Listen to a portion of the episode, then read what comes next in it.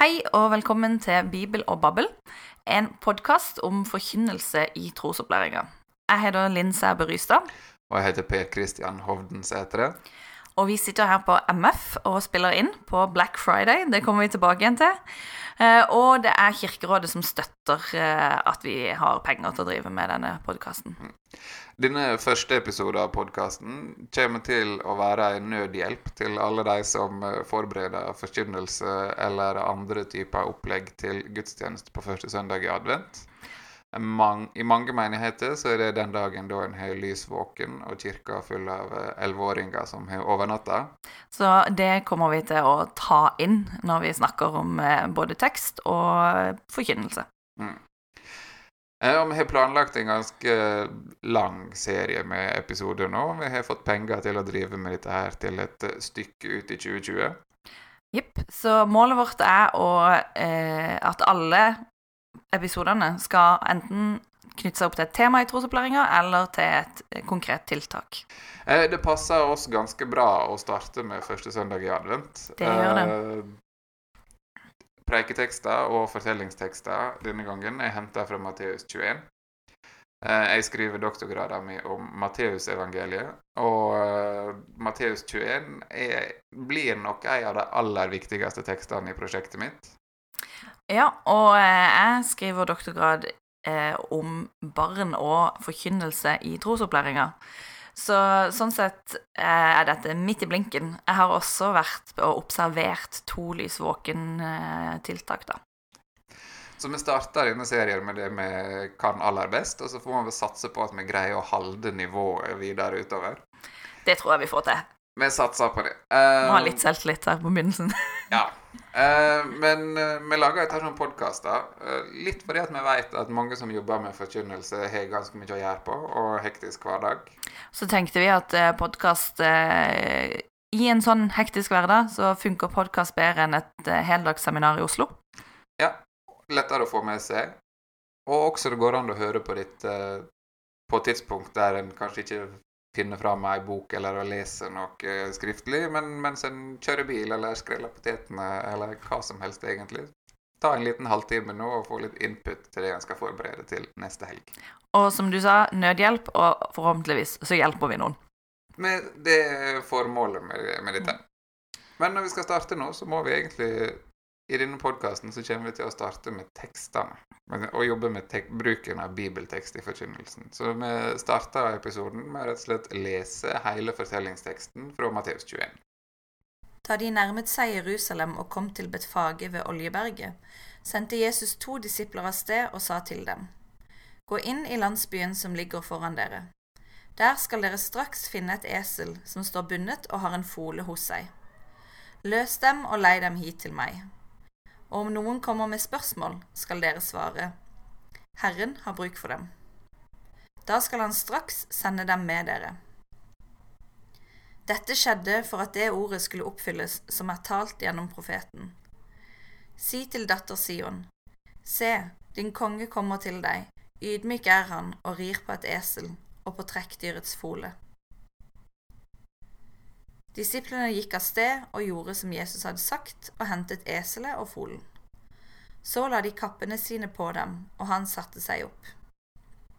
Mange i folkemengden bredte kappene sine ut over veien, andre skar greiner av trærne og strødde på veien, og mengden som gikk foran og de som fulgte etter, ropte. Hosianna, Davids sønn, velsignet er han som kommer i Herrens navn, Hosianna i det høyeste. Da han dro inn til Jerusalem, ble det uro i hele byen, og de spurte, Hvem er dette? Og mengden svarte, Det er profeten Jesus fra Nasaret i Galilea. Så gikk Jesus inn på tempelplassen og jaget ut alle dem som solgte og kjøpte der. Han veltet pengevekslernes bord og duehandlernes benker og sa til dem, Det står skrevet, Mitt hus skal kalles et bønnens hus, men dere gjør det til en røverhule. På tempelplassen kom noen blinde og lamme til ham, og han helbredet dem. Men da overprestene og de skriftlærde så undrene han gjorde, og hørte barna som ropte i helligdommen, Hosianna, Davids sønn, ble de forarget og spurte ham, hører du hva de sier? Ja, svarte Jesus. Har dere aldri lest Fra småbarns og spedbarns munn har du latt lovsang lyde? Så forlot han dem og gikk ut av byen til Betania. Der ble han natten over. Og når vi har lest denne teksten her, så er det ett spørsmål som melder seg inn. Det er det. Det dagens store spørsmål. Hva gjør vi med dette her eselet? Det er faktisk det viktigste vi kommer til å snakke om i hele dag, tror jeg. Nei, eh, altså, helt seriøst så er det jo fryktelig fristende med en gang det kommer et esel inn i bildet, å lage et drama. Ja, og det har vi jo snakka om at det har jo vi sjøl gjort opptil flere ganger eh, når vi skulle preke over denne teksten. det er noe kjempefristende. Det er så lett å lage et opplegg med noen unger i laken og håndkle som står langs eh, midtgangen, og så tar en bare en tuja i nærheten og barberer den litt, så en får greiner å vifte med, og så må en eh, finne på et eller annet variant av esel. Jeg har hørt alt fra levende esel til foreldre kledt opp eh, i eselkostyme. Ja, ja. Det, det er uendelige muligheter her akkurat på eselet. Men eh, vi skal da problematisere dette eselshyppigheten litt. Ja, for Fordelen med å bruke det på den måten er at dette eselet er visuelt slående, og du husker det. Eh, Men hva er det som skjer med formidlinga egentlig når en gjør sånne ting? Ja, eh, det er jo et veldig godt spørsmål. Og Jeg skal prøve å komme med et svar også. Nei, eh, det som skjer, tror jeg ofte, er at disse dramaene rundt ja, dramaene med esel videre blir eh, kanskje egentlig ikke kan kalles drama. At det blir mer en illustrasjon enn det blir et faktisk drama. Og at det er litt sånn Så har man denne illustrasjonen, eller dramaet, drama, da, som vi kaller det drama fremdeles, eh, for at det skal bli litt mindre kjedelig å høre på prekenen, f.eks., og for at en skal ha folk i eh, arbeid, rett og slett. Eh, eh, Engasjere barna, osv. Og så tenker han at med en gang barna Det gjorde i hvert fall jeg. tenkte at med en gang barna er engasjert, så syns de det er gøyere å høre på det jeg skal si etterpå. Nå viser både min forskning og forskning som jeg har gjort i det større prosjektet som jeg har vært en del av, som er det forkynnelse for små og store, det er ikke nødvendigvis sånn, da. Nei, hvordan blir det da eh, i de funnene dere har gjort? Nei, ehm, eh, i det større prosjektet så har vi faktisk funnet at eh, involvering av deltakere fører til at de tenker mest på hva de skal gjøre sjøl, og klarer ikke å følge med så veldig mye på resten av gudstjenesten, da. Eh, Så det er jo ett poeng, at eh, denne her eh, veldig eh, hurraropet for eh, involvering av og til kan Altså hvis målet er at, skal, at de skal sitte og følge med på gudstjenesten og høre på preken osv., så, så får man ikke til det. Men det kan jo være et mål i seg sjøl med involvering. Så det er jo liksom hva, hva vil du egentlig? Da må en tenke litt på det. Men det jeg også har Det jeg har funnet ut av, er at disse disse dramaene De blir av og til nesten bare mer distraksjon enn de blir illustrasjon også. At du Hvis det faktisk er et levende esel inne i kirka, hva tror du de aller fleste som går ut fra den gudstjenesten, sitter igjen med? Jo, det er at det har vært et levende esel inne i kirka. Jeg tror det, da, da blir det liksom ikke Hvis du da tenker at noen hører på forkynnelsen din etterpå, så tar du litt feil, rett og slett. Ja, nei, men det er et poeng. At, også at ved å framheve dette eselet på den måten, så skjuler en andre ting i tekster. Uh, Det gjør det. og at her skjer nå en hel haug med ting. Uh, den teksten vi leste, er noen fortellingstekster til denne søndagen. Det er nå faktisk 17 vers. Lang tekst. Det er lang tekst, uh, og det er en ganske kompakt fortelling. Altså Her skjer veldig mange forskjellige hendelser. Uh, Her er en liten episode først, der Jesus ber disiplene sine gå og hente ditt eselet. Så skyter evangelisten inn en liten profeti og forteller at den ble oppfylt. Så kommer beskrivelsen av hva som skjer når Jesus rir inn i Jerusalem på dette eselet. Og så fortsetter fortellinga i full fart inn, til, inn i tempelet i Jerusalem, der Jesus velter borda og jager pengevekslerne. Og så helt på slutten så er det til og med noen helbredelser og en liten krangel med, en liten krangel med de skriftlærde og overprestene, før vi slutter fortellinga i vers 17. Så er det noen barn inni der òg. Og det er noen barn også på slutten der som eh, egentlig er av de som roper Hosianna til Jesus og bekrefter at han er Davids sønn. De har en funksjon der, det kommer vi tilbake til etterpå. Det skal vi. Så dette eselet er én liten bit av en lang fortelling. Eh, og det, ofte så blir det framstilt som dette er tegnet på at Jesus er annerledes kongen. Altså Han er ikke som en krigerkonge som kommer til hest, eh, men han er en audmjuk konge som kommer på esel. Og Det er ikke dårlig lesning av tekster, det, egentlig. Eh, særlig den eh, profetien fra Zakaria her. Se, kongen din kommer til deg, audmjuk er han og rid på et esel. Så blir den koblinga gjort. Matteus har i tillegg tatt ut det som står i Zakaria om at denne kongen som kommer, er rettferdig og rik på siger. Her er noen element som bare er vekk. Altså Alt som har med krig å gjøre, og sånn, det er fjerna når Jesus blir framstilt som den audmyke kongen på eselet. Samtidig så er eselet i Det gamle testamentet Det har av og til funksjon som kongelig symbol. Både David og Salomo rir på et esel. Der er tradisjoner på at Messias skal ri på et esel. Så det å si at dette her er At Jesus ikke er som alle andre konger, det blir ikke helt riktig. Nei, og så er det jo også hva slags konge er det i, i forkynnelsen der? Hva slags konge sammenligner man Jesus med når en sier at Jesus er annerledeskongen? Eh, sammenlignet med kong Harald, hvor annerledes er Jesus fra kong Harald, f.eks.?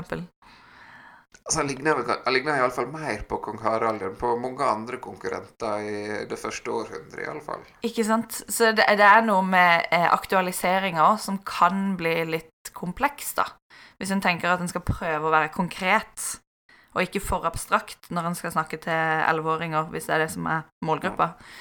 Så, eh, så er det liksom Hvem sammenligner du med, og hvordan, på hvilken måte er Jesus annerledes, da? Ja. Og også litt sånn Altså å prøve å forstå det, det, Dette er en gamle tekster inne forventninger om en Messias konge som skal komme tilbake igjen til Israel og måte, gjøre allting bra igjen. Den, den går nå gjennom alle evangelier. Men det er ikke uten videre lett å oversette den til vår tid. Hvordan? Fordi at det gir ikke nødvendigvis så mye mening.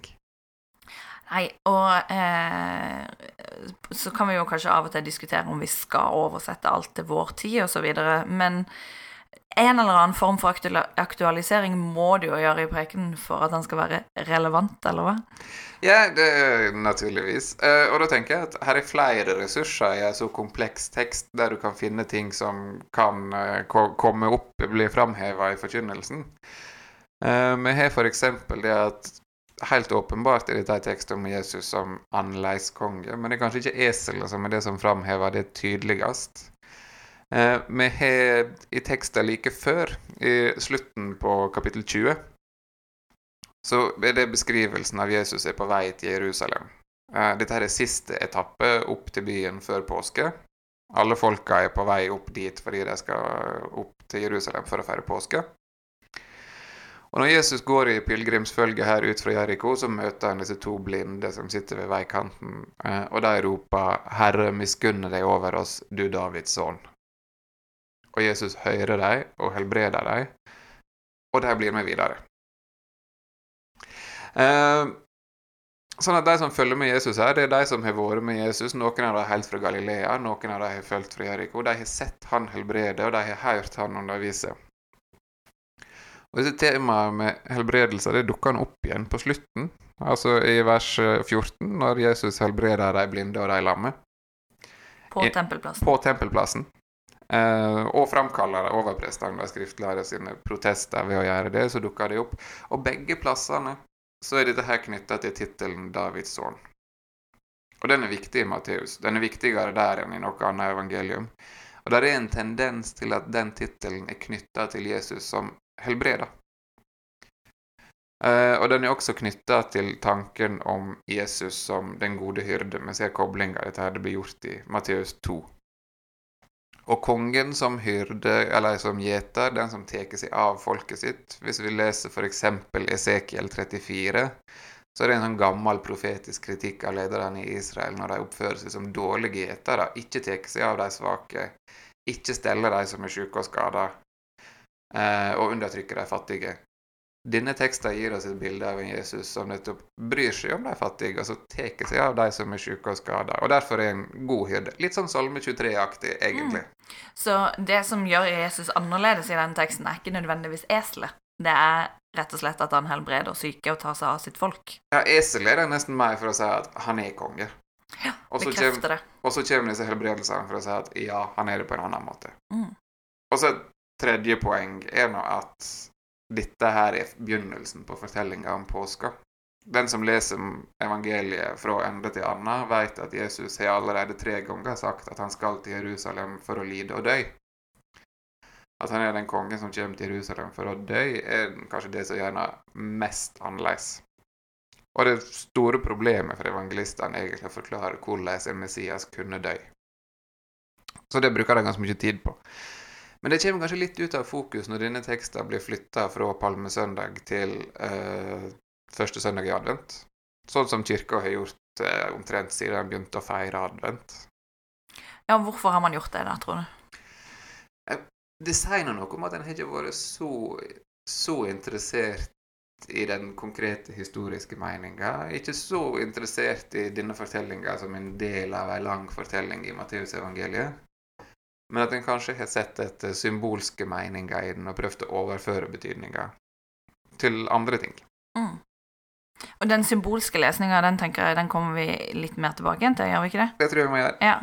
Eh, For det, det blir et slags utblikk til slutten her. Ja.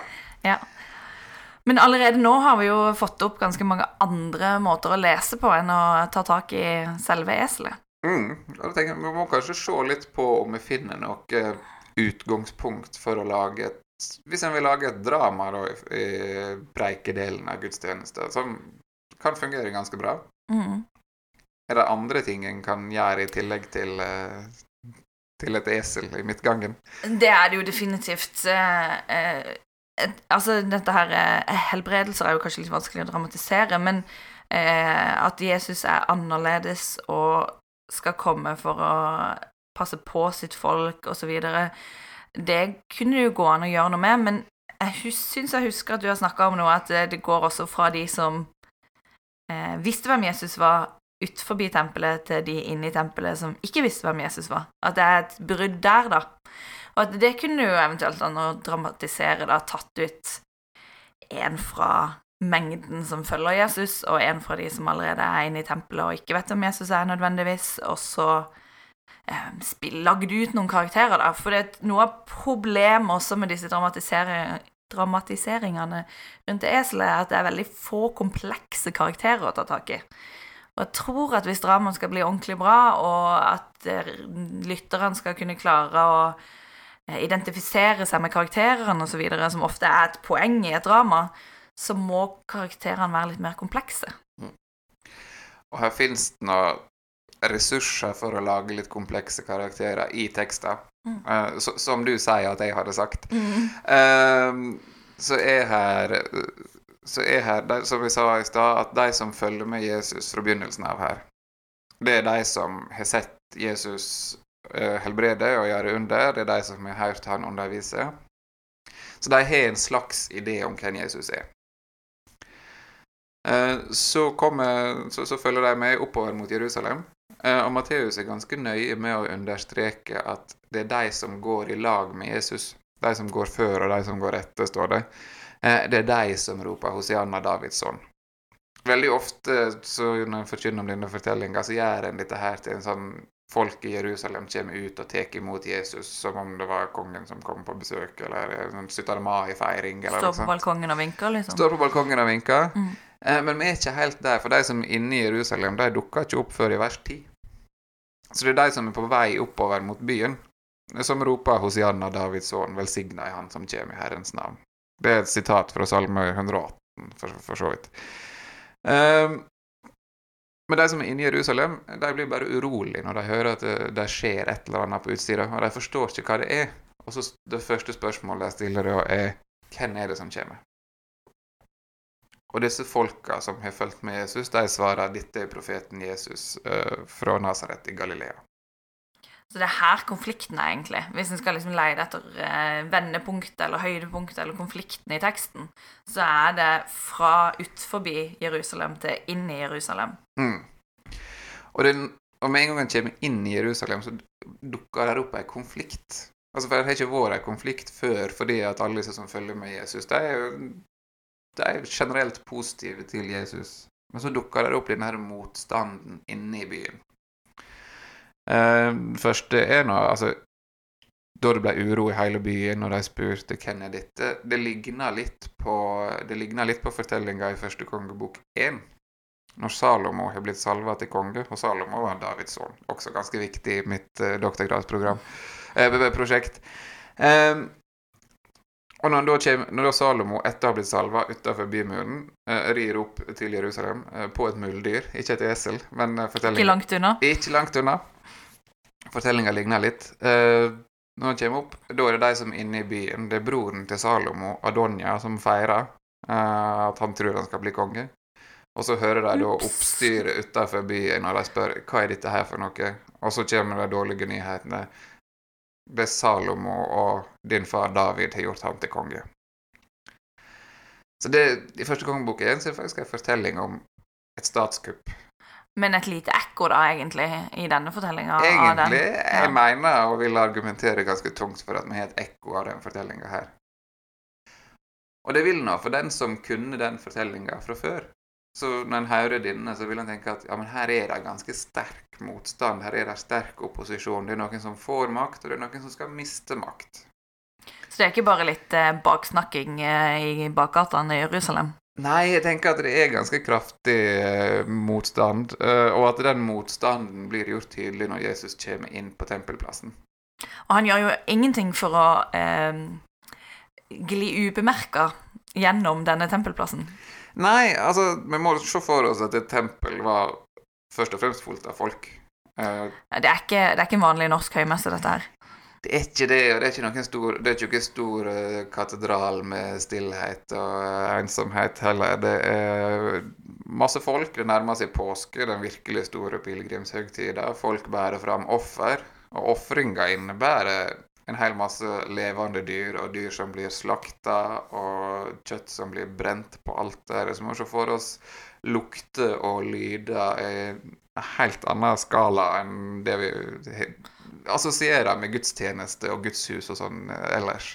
Så som på skalaen norsk eh, gudstjeneste klokka 11 og pilegrimsvandring til Mekka, som alle har sett bilder av, hvor ligger det da, sånn cirka?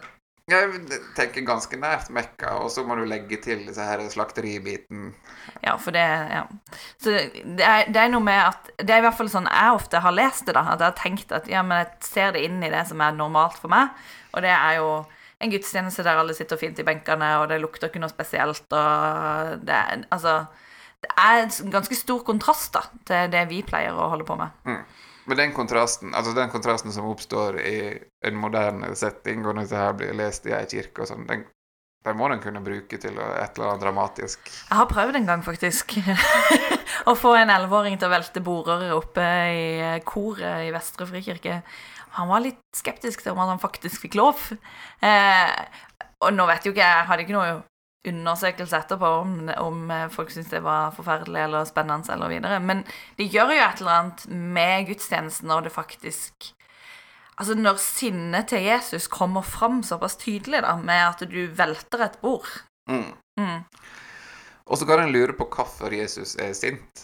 Og iallfall hvis en skal lage drama eller hvis en skal forkynne om dette, her, så må en finne ut altså, hva er det som gjør at Jesus plutselig, fra å være ganske stille på dette eselet, til å komme inn på tempelplassen og gå litt uh, amok um, Altså, det står her, og evangelisten gjør et poeng ut av at han velta benkene til de som solgte duer. Duene er offerdyra for de fattige det er B-løsninger for de som ikke har råd til okser og lam og sånn, hvis du leser Moselova. Apropos Black Friday. Apropos Black Friday. Så dette er de som selger duer til upriser, om man forstår, til de som er fattige. Som de skal bære fram sine offer. Så igjen så er det sånn der Jesu omsorg for de, for de svake som uh, dukker opp i denne fortellinga. Eh, Så, så sier Jesus det står skrevet 'mitt hus skal kalles et bønnehus', men det gjør det til ei røverhåle. Det er faktisk sitat fra to forskjellige profetier. Det ene fra Jesaja 56, vers 7, om at eh, Gud sier 'mitt hus skal være et bønnehus eh, for alle folk'. Eh, og så er, det, også det neste fra Jeremia 7,11, der tempelet også blir kalla ei røverhåle. Og hvis en leser hele Jeremia 7, så ser en at det er en fordømmelse av lederne i Israel. Og kapittelet ender opp med en profeti om at tempelet skal bli ødelagt. Det sier ikke Jesus her, men han sier det i slutten på kapittel 23. Skulle ikke si det. Jeg syns jeg husker at han sier noe om det en gang, ja. Han gjør det. Eh, og hele denne greia med tempelet, som da ble ødelagt 40 år etter Jesu tid eh, Hvorfor det skjedde, hvordan det skjedde, hvordan det passa inn i evangeliet, er en ganske komplisert diskusjon å skjønne. Eh, og det er ganske komplisert å snakke om det i våre dager etter 2000 års, eh, etter 2000 års kirkelig antisemittisme. Så det er ikke sikkert det, Ikke sikkert det er der en skal gå i, i første søndag i advent, eller med disse elleveåringene. Nei, og jeg tenker at hvis du snakker om dette her, så tror jeg at det å si noe om at det Jesus viser motstand mot her, eh, må en lese som det lederskap i i Jerusalem. Det er de som utnytter folk. Ikke jødene generelt. Ikke jødene generelt, og folkemengdene som følger med her, og de som kommer fra Galilea, sånn er ganske positivt framstilt. Men Jerusalem og de som er ledere der, står som et slags symbol for de som eh, er motstandere av Jesus, eller de som blir kritisert av Jesus. Så jeg må holde tunga litt beint i munnen når jeg snakker om sånne ting. Og ikke Og, og altså de da som i motsetning til barna ikke ser hvem Jesus egentlig er. Ja, for barna som er på Sempøyplassen her og ser Jesus helbrede, eh, og roper Hosianna, Davids sønn, de, de skjønner et eller annet. Eh, og det at Jesus helbreder de eh, blinde og de lamme i tempelet, er så- også en sånn Jesu omsorg og Jesu motsetning til sin forfar David. For i 2. Samuel 5 så finner vi en fortelling om David som da han erobra Jerusalem, drepte de blinde og de lamme i tempelet. Eller i Jerusalem. Og derfor står det i 2. Samuel 5 at blinde og lamme skal ikke ha tilgang til tempelet. Ah, Så Jesus gjør litt opprør mot sin far, far David eh, langt tilbake i slekta. Han, han blir iallfall et motstykke når han helbreder dem i stedet. Og så kan jeg lure på hvorfor de var inne i tempelet i første omgang, for de skulle nå ikke være der, da, ifølge 2. Samuel 5. Kan være en hadde slekka litt på Ja. Men de som kan Gammeltestamentet sitt, de ville da i alle tilfeller oppdage at her er det et eller annet som skurrer. Her er, og når noe skurrer, så er det ofte et hint om at dette er der, kan være betydningsfullt. Her er noe interessant. Ja. Ja. Og altså eh, På Lysvåken, der det er da Hvis du har det Det er jo ikke sikkert den har det, men hvis den har det, så har den jo noen elleveåringer der. Mm. Eh, og da går det jo an å ta tak i disse barna som faktisk ser noe og skjønner noe som de voksne ikke skjønner. Eh, uten å liksom dette helt ned i at barn er verdens uh, uskyld og, og så videre. Det, det er noe med en sånn infantilisering og idyllisering av barna òg som kan være litt skummel. Men det går jo i hvert fall an å så Jeg syns jo det hadde vært spennende å gitt teksten til barna og spurt hva syns eh, Hva, hva, hva, tenk, hva leser dere, for Mm. eksempel. Ja, tekster utfordrer nå egentlig til det, for disse her barna står der som et symbol på de som skjønner. Mm. De som greier å se hvem Jesus er, de som har dette her blikket. Eh, som greier å se det. Eh, og det er noe I den måten Matteus skriver på, så det at Jesus bekrefter det ungene har skjønt, ved å sitere fra Skrifta Altså fra munnen på, spå, fra, på småbarn og spedbarn har du latt lovsang lyde, sier han. Det er et sitat fra Salme 8, vers 3. Og den som slår opp, oppdager at det står ikke det i den norske bibelen, for den er oversatt fra hebraisk. Men hvis du ser på den greske teksten til Salme 8, så er det et sitat. Ok. Men, og og det vi, vi, vi snakka litt grann på forhånd om at akkurat dette med barna som ser, går det an å knytte ganske godt sammen med Lys våken. Mm. For eh, poenget med Lys våken, som Norske kirke sier, er jo altså Det handler ikke om at en skal være våken hele natta, men at en skal være våken overfor det som skjer i oss og rundt oss. Og da går det jo an å ha både om du sjøl ser hvem Jesus er, eller ikke, og også mer altså, disse sosiale rettferdighetsaspektene som ligger i teksten også. Og at vi skal våkne om for Gud, hverandre og oss sjøl. Så her går det an altså, å være, være, våken kan i hvert fall knyttes til det å kunne se og forstå noe. Ja, det tenker jeg. Altså, Iallfall hvis jeg leser hele denne teksten her, så har du ganske mange ressurser til å si noe om det. Mm. Men det forutsetter at du leser tekster ikke bare rent historisk, men at du åpner for at den også har symbolske meninger, og at vi leser den sånn, sånn som en har gjort i store deler av kirkas historie, at en leser den allegorisk. Og sånn kan den gi mening også som tekst i adventstida. Ja, for det må vi jo snakke litt om. Ja. Det kom jo eh, på Var det på tirsdag? Mandag. Mandag. Og nå er vi på fredag. Men på mandag kom det jo en tekst fra Per Anders Nordengen i Vårt Land om eh, adventstid og tekstene i adventstida og forkynnelse. Og den hadde vi tenkt vi skulle snakke litt om. Ja. Det er fordi at eh, Vi er vel ikke helt enige med han om at eh, i hans liksom, tolkning av disse tekstene. Nei, for jeg tenker Altså, han mente at disse tekstene som er satt opp til advent, er irrelevante. At de handler ikke om det folk forventer, eller det folk går rundt og tenker på i adventstida. Og det er klart, alle handler ikke direkte om forventning til jul og snart kommer Jesusbarnet, samtidig som egentlig alle søndagene i advent ser nå på det at Jesus kommer til oss eller til verden eller til kirka i et eller annet perspektiv. Første søndag i advent gir oss en fortelling som kan leses som et bilde på det, der Jerusalem blir et bilde på kirka eller verden. Eh, eller enkeltmenneske alternativt. Neste søndag så er det Jesu andre komme, men det er når Jesus kommer tilbake ved tidenes ende, når han blir født, der er det en sammenheng mellom dem som en predikant kan si noe om. Og så er det Johannes døperen som sier noe om at dette her er etiske implikasjoner på tredje søndag i advent. Og så er det Maria og Josef som får bildet på de som tar imot Jesus fjerde søndag i advent. Og så er det julaften. Og så kommer vi til julaften etter det. Så en ser den samme hendelsen fra forskjellige vinkler. Første jul da også for så vidt kan lese seg inn i det med Johannesprologen. Og... Definitivt. Mm. Men da får du et nytt perspektiv igjen. Sånn at uh, det, det, er det, er forberedelse til jul. Uh, men det forutsetter at du leser tekstene symbolsk, og at du greier å ta med de allegoriske tolkningene her hele veien. Og det, det kan hende at norske prester og andre forkynnere ikke er så godt oppdratt i det fordi at i utdanningene er fokusert veldig mye på det historisk kritiske. Spørsmål som hva skjedde egentlig? Hva skjedde egentlig? Hva mente forfatteren egentlig? I dagens podkastepisode har vi egentlig snakka mer om den litterære lesninga, altså lese den teksten som fortelling. Som får opp en del andre ting. Sånne spørsmål som hva skjedde egentlig, og mente Jesus sjøl at han var Messias? Og sånne spørsmål som den historisk-kritiske forskninga har vært veldig opptatt av, har ikke vi sagt så mye om. Nei, vi har sagt mye mer om hvordan henger fortellinger sammen, fins et vendepunkt eh, osv. Ja. En annen gang kan vi snakke om den historisk-kritiske bakgrunnen her. Men det å kunne se at tekstene har et ganske stort potensial og kan brukes til forskjellige ting når en leser på forskjellige måter, det er litt av det vi prøver å komme fram til i denne, i denne podkasten. Mm.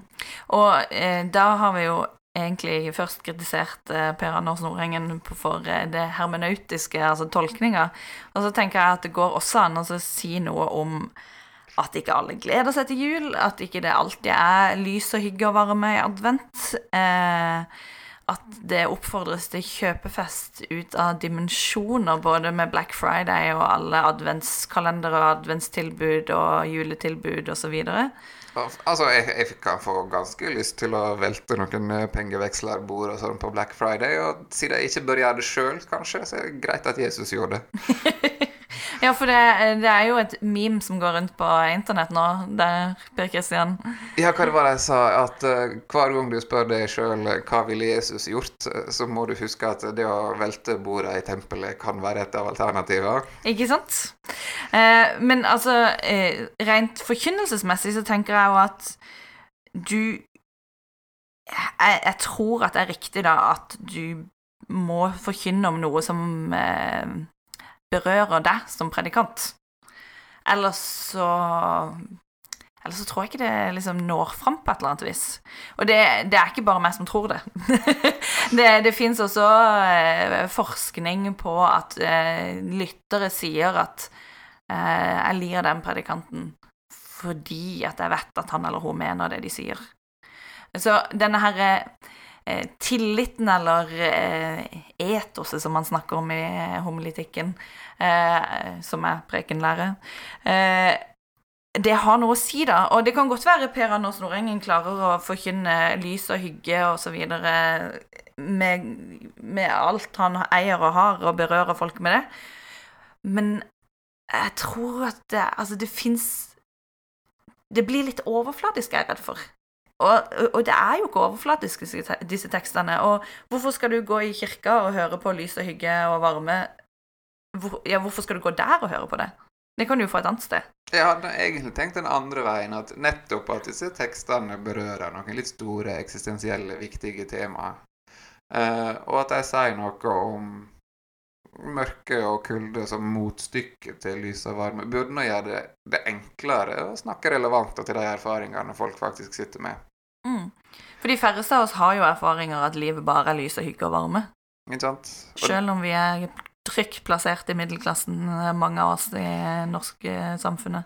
Ja, og særlig Den norske kirke og de som jobber der. Det, det er utfordringene der. Mm. Uh, men uh, her er å ta i til å finne et uh, til å snakke til flere erfaringer i disse tekstene. Det gjelder første søndag i advent også. Vi har nevnt litt om altså alt som egentlig står her om sosial urettferdighet og den implisitte kritikken av ledere som ikke bryr seg om de som lider. Mm. Men da, Går det an å ta opp sånne ting i forkynnelsen til unger? Ja. det er det enkle svaret. Ja. Uh, men uh, uh, det Det er fullt mulig å være kompleks, men ikke for abstrakt. Altså, hvis du klarer å være konkret og kompleks, så tror jeg det funker akkurat like bra som, og kanskje bedre, hvis vi funker. Det kan man jo snakke om. Hva mener jeg med det? Og da tenker jo jeg ikke at preken må, Jeg tror ikke at må, eller sånn som jeg tenker på preken, så er ikke målet med prekenen at disse barna skal kunne gjengi det jeg sa, og huske et eller annet. Målet er at jeg skal ha fått de til å reflektere over noe. Eh, og hvis målet er det, så funker disse her eh, søndagsskolemanna-ordene dårlig. For det, mm. det, husker de gjerne. Eh, mange av de barna jeg har intervjua, husker masse faktaopplysninger. Hvis jeg, nå tar jeg sånn hermetegn rundt faktaopplysninger, men de husker mye fra prekenen.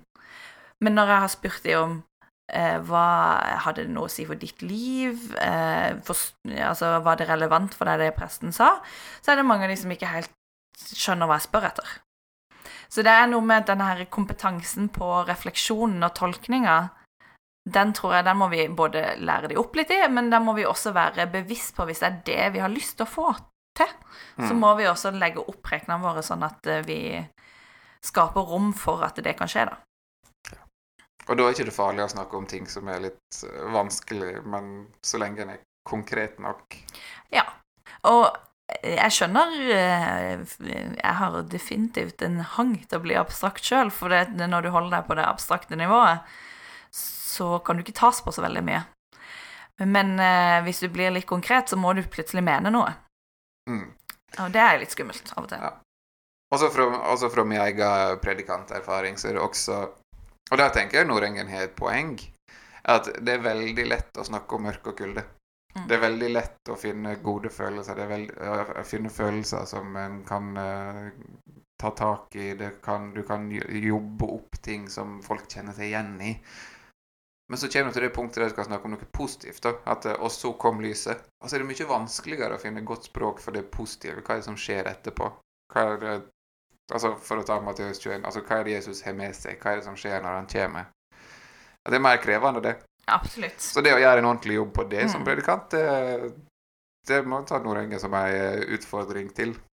Og så skrev jo også Ingrid Nyhus en, eh, et svar til han i Vårt Land, der hun tolker tempelrenselsen individuelt, da. Hva er det i mitt liv som trenger å renses? Mm. Og det er, en, det er en mulig tolkning, tenker jeg. Men jeg tror at vi også, nå sier jeg vi, vi som preker, kan eh, være tøffere på av og til tørre å si noe på mer sånn samfunnsmessig plan, på verden og kirka i verden og det, den sosiale urettferdigheten, da. Den, eh, den tradisjonen sitter ikke så sterkt i den norske lutherske tradisjonen med et godt innslag av pietisme. Vi er vant til å tolke hva betyr dette for meg, Mm. men eh, det går an å løfte blikket av og til, altså. Ja, jeg tenker at den altså For da høyner du den samfunnsmessige tolkninga, og så har du Ingrid den eh, individuelle tolkninga i vårt land. Det blir da torsdag eh, 22. Mm. Uh, og så har du den tolkninga av Jesus som kommer til kirka. Og det er nå, I tolkningshistorie så er det kanskje den viktigste biten til Matteus 21. At det Hosianna-ropet som vi har her, det kommer igjen i nattverdliturgien. At denne teksten blir lest som uh, blir lest som en allegorisk framstilling. Hva er det som skjer i nattverden? Ja, Jesus kommer til oss i brød og vin. Og Derfor så synger vi Hosianna uh, i Sanktus i innledninga til nattverdliturgien. Og det har en gjort ganske lenge. All, altså Allerede i Didaché, som er skrevet kort tid etter Matteusevangeliet, så er Hosianna-ropet knytta til nattverdfeiringa. Og det er annen type symbolsk tolkning av tekster. Så her er ganske mange ting å ta i når en skal lage forkynnelse til første søndag i advent. Og vi håper at vi har presentert mange nok av de, for nå må vi gå inn for landing. Og ikke minst så håper vi at vi har svar på spørsmålet hva gjør vi med eselet? Eh, fredag om to uker så kommer neste episode av denne podden. Da skal vi lage julepod og snakke litt om juleforkynnelse på barnehagegudstjeneste, skolegudstjeneste og kanskje til og med julaften. Det blir veldig gøy om to uker til. Så da må dere følge oss på Instagram og på Facebook. Bare søk opp Bibel og Babbel. Og eh, abonner gjerne på denne podkasten i iTunes eller hva du ellers laster ned podkastene dine. Eh, gi oss gjerne noen stjerner, så mange som eh, fortjener, og, og legg ei hilsen. Det setter vi pris på. Og så snakkes vi om to uker. Ha det bra. Ha det godt.